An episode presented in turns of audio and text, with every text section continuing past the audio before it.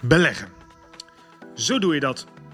Dat is de naam van de podcastserie die ik de komende paar weken met je ga delen. Het is een onderdeel van de Je Geld en Of Je Leven podcast, waarbij ik telkens verschillende onderwerpen bespreek om jou betere keuzes te laten maken rondom geld. Maar geld is altijd in dienst van het leven. Dus de ene keer spreek ik mensen over bepaalde onderwerpen, waardoor je je leven makkelijker kunt invullen. En de andere keer gaat het over geldzaken. En nu dus beleggen, zo doe je dat. In een zestal afleveringen, waarvan dit de eerste is, ga ik stilstaan bij nou, wat is eigenlijk beleggen, waarom moeten we dat doen en welke vijf blunders kun je nou voorkomen. Dus vandaag, wat is dat? Beleggen, waarom doen we het, waarom is het nodig? En dan de volgende vijf afleveringen die uh, gaan komen gaan over de vijf blunders die ik vaak tegenkom. En ook uiteraard hoe je die kunt voorkomen. Heb je hier nou vragen over, stuur me vooral een berichtje. Dat kan via mijn website michielvanvugt.com met VUGT. En zoals altijd is deze podcast mede mogelijk gemaakt door NNK Vermogensbeheer. Maar goed, beleggen. Zo doe je dat. Nou, dat is natuurlijk uh, een prachtige titel, denk ik. Um, overigens, in deze podcast hoor je alleen mij, deze korte serie. Uh, deze keer geen gasten, maar dat maakt helemaal niet uit, denk ik. Ik uh, kan je vast hopelijk wat iets meer vertellen wat nou eigenlijk beleggen is en, en waarom het zo belangrijk is voor jouw toekomst. Maar goed, even bij het begin beginnen. Wat is eigenlijk beleggen? Daar zijn best wel wat misverstanden over, merk ik nog steeds in mijn omgeving. Als we het erover hebben, hoor ik vaak: ja, beleggen, dat moet je niet doen. Je raakt je geld kwijt. Uh, veel mensen hebben slechte ervaringen misschien opgedaan met bepaalde type beleggingen. Uh, en de vraag is of dat dan, uh, nou, of die beleggingen nou zo slecht waren, of dat de verwachtingen niet goed zijn. En het kan twee kanten opvallen. We zien dat mensen verkeerde beleggingen kiezen. Daar komen we ook terug, in, op terug in de volgende aflevering. Maar vaak zit het in de verwachtingen. Dat we als we gaan beleggen voor het eerst, we misschien ja, logischerwijs nog weinig ervaring hebben. En dat we dan misschien te makkelijk denken van nou ja, het rendement is fantastisch op de korte termijn. Uh, het risico is uh, klein op de lange termijn. En dat we die, uh, op basis daarvan een beslissing gaan nemen om te starten. Terwijl we moeten ons goed realiseren dat het rendement op de lange termijn prachtig is, maar op de korte termijn heel heftig kan schommelen. En beleggen is dan ook uh, ja, participeren in de economie. Je gaat geld toevertrouwen aan uh, bedrijven als je aandeelhouder wordt. Of aan een overheid bijvoorbeeld als je geld uitleent in de vorm van een obligatie. Ja, en dat gaat heen en weer. Er komt nieuws, er komt een crisis, er komt een corona, er komt een aanslag, er komt een oorlog. En dat heeft allemaal invloed op de beweging van jouw portefeuille. Of dat nou terecht is of niet. Want het is niet per se zo dat een bedrijf direct minder ijsjes gaat verkopen als er een aanslag is. Maar het vertrouwen heeft dan ook een belangrijke rol. En dat zul je dus zien in de beweging van de beurs. Dus heel belangrijk om te realiseren dat beleggen is altijd voor de lange termijn. Anders noemen we het speculeren, gokken.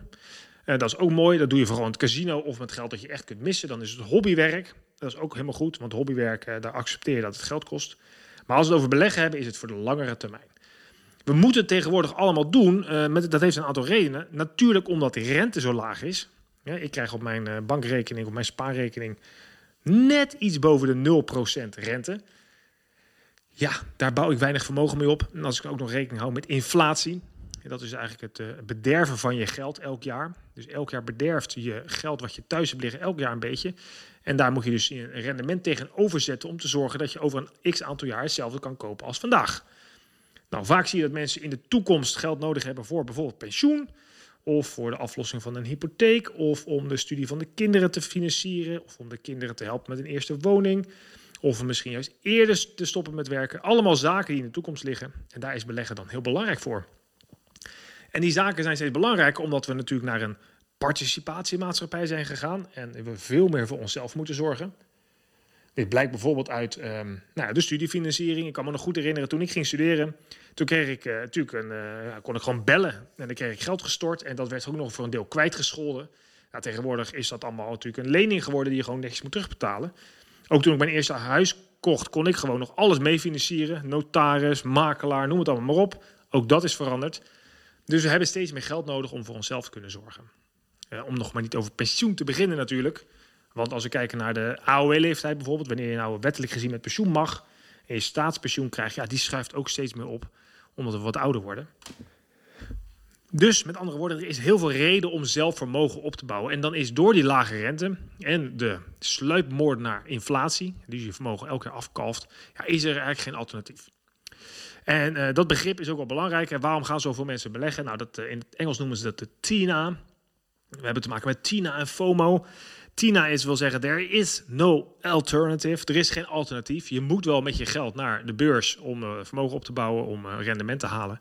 En we hebben ook een beetje last van FOMO, want het gaat de laatste jaren natuurlijk hartstikke goed. Ook uh, na een coronacrisis zie je toch weer herstel. We zijn fear of missing out, FOMO. Dus we gaan met alle massaal naar de beurs. Nou, en ik wil graag voorkomen dat we grote blunders en fouten maken die ik dagelijks langs zie komen. Ik gun iedereen een hele rustige en fijne beleggingservaring, waardoor je uiteindelijk ook echt vermogen gaat opbouwen. Want nou ja, eh, de historie laat het echt wel zien. Dat op de lange termijn altijd meer verdiend wordt op de beurs dan op een spaarrekening. En dat is logisch, want beleggen uh, is participeren in de economie, wat ik zei. Je wordt dus aandeelhouder. En als je naar het kapitalistische systeem kijkt, hoewel daar genoeg van op aan te merken is, werkt het wel zo dat op het moment dat jij je hard werkt, een goed idee hebt, je inspant voor iets of je geld ter beschikking stelt, dan word je daar in principe voor beloond. Dat kan zijn in, uh, in uh, auteursrechten als je een boek schrijft. Het kan zijn een loon als je werkt. En het kan zijn in de vorm van rendement als je je geld toevertrouwt aan een bedrijf of een overheid.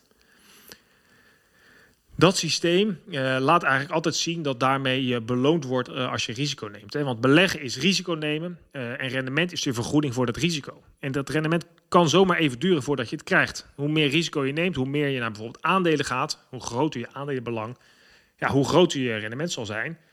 Maar je hebt ook wel langer nodig om uiteindelijk op dat rendement uit te kunnen komen. Want je hebt een groter risico, je gaat harder heen en weer schommelen. De kunst is dus om te zorgen dat die verwachtingen goed zijn. Dat je weet dat er in uh, lange termijn goede rendementen te halen zijn. Maar dat je op korte termijn hele grote dalingen voor je kies kunt krijgen. Of hele grote stijgingen, maar daar maken we ons nooit zo druk om. Het zit hem vooral aan de kant van de daling dat we heel veel uh, toch in paniek kunnen schieten. En dat we daarmee de beslissingen net wat minder slim nemen om het aardig uit te drukken dan we zouden moeten. Ja, dus ja, beleggen. Er zijn nogal wat fouten en blunders. Um, in mijn boekje Geld en of je leven en ook in Net iets slimmer, een klein beetje reclame, lees je daar ook over. Maar in deze komende afleveringen ga ik er meer stil bij staan.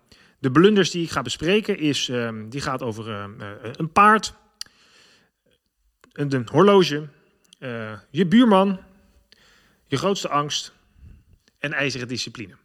En die verschillende, vijf verschillende onderwerpen ga ik bespreken in de komende podcast die elke week online zal zullen komen. Op een andere dag dan je, gebruik, uh, gebruik, uh, dan je van mij kent. Normaal doe ik dinsdag, deze doe ik op donderdag. Om te zorgen dat je in de zomer toch wat uh, op korte manier, hè, 10 minuutjes ongeveer max probeer ik, misschien zelfs korter, om even bij te praten wat nou eigenlijk beleggen is en hoe jij betere beslissingen kunt nemen voor je eigen toekomst. Heb je hier nou vragen over? Nou, dan weet je me natuurlijk wel te vinden. Um, dan stuur me een berichtje, nogmaals via mijn website. Dat kan een mailtje, dat kan een WhatsAppje zijn. Uh, want ik breng je graag in contact met iemand die jou vanuit een onafhankelijke basis kan helpen met goed inzicht waar je naartoe moet. Voor meer informatie kijk je ook op nnk.nl. Uh, dat is een vermogensbeheerder en die uh, doet op een duurzame manier vermogensbeheer. werkt altijd samen met adviseurs, dus je belang wordt altijd gediend. Of je kijkt op mijn website, Michiel van Vught. wat ik zei, vugt.com. Ik hoor graag als je vragen hebt en nou, op naar de volgende aflevering. Hoi hoi.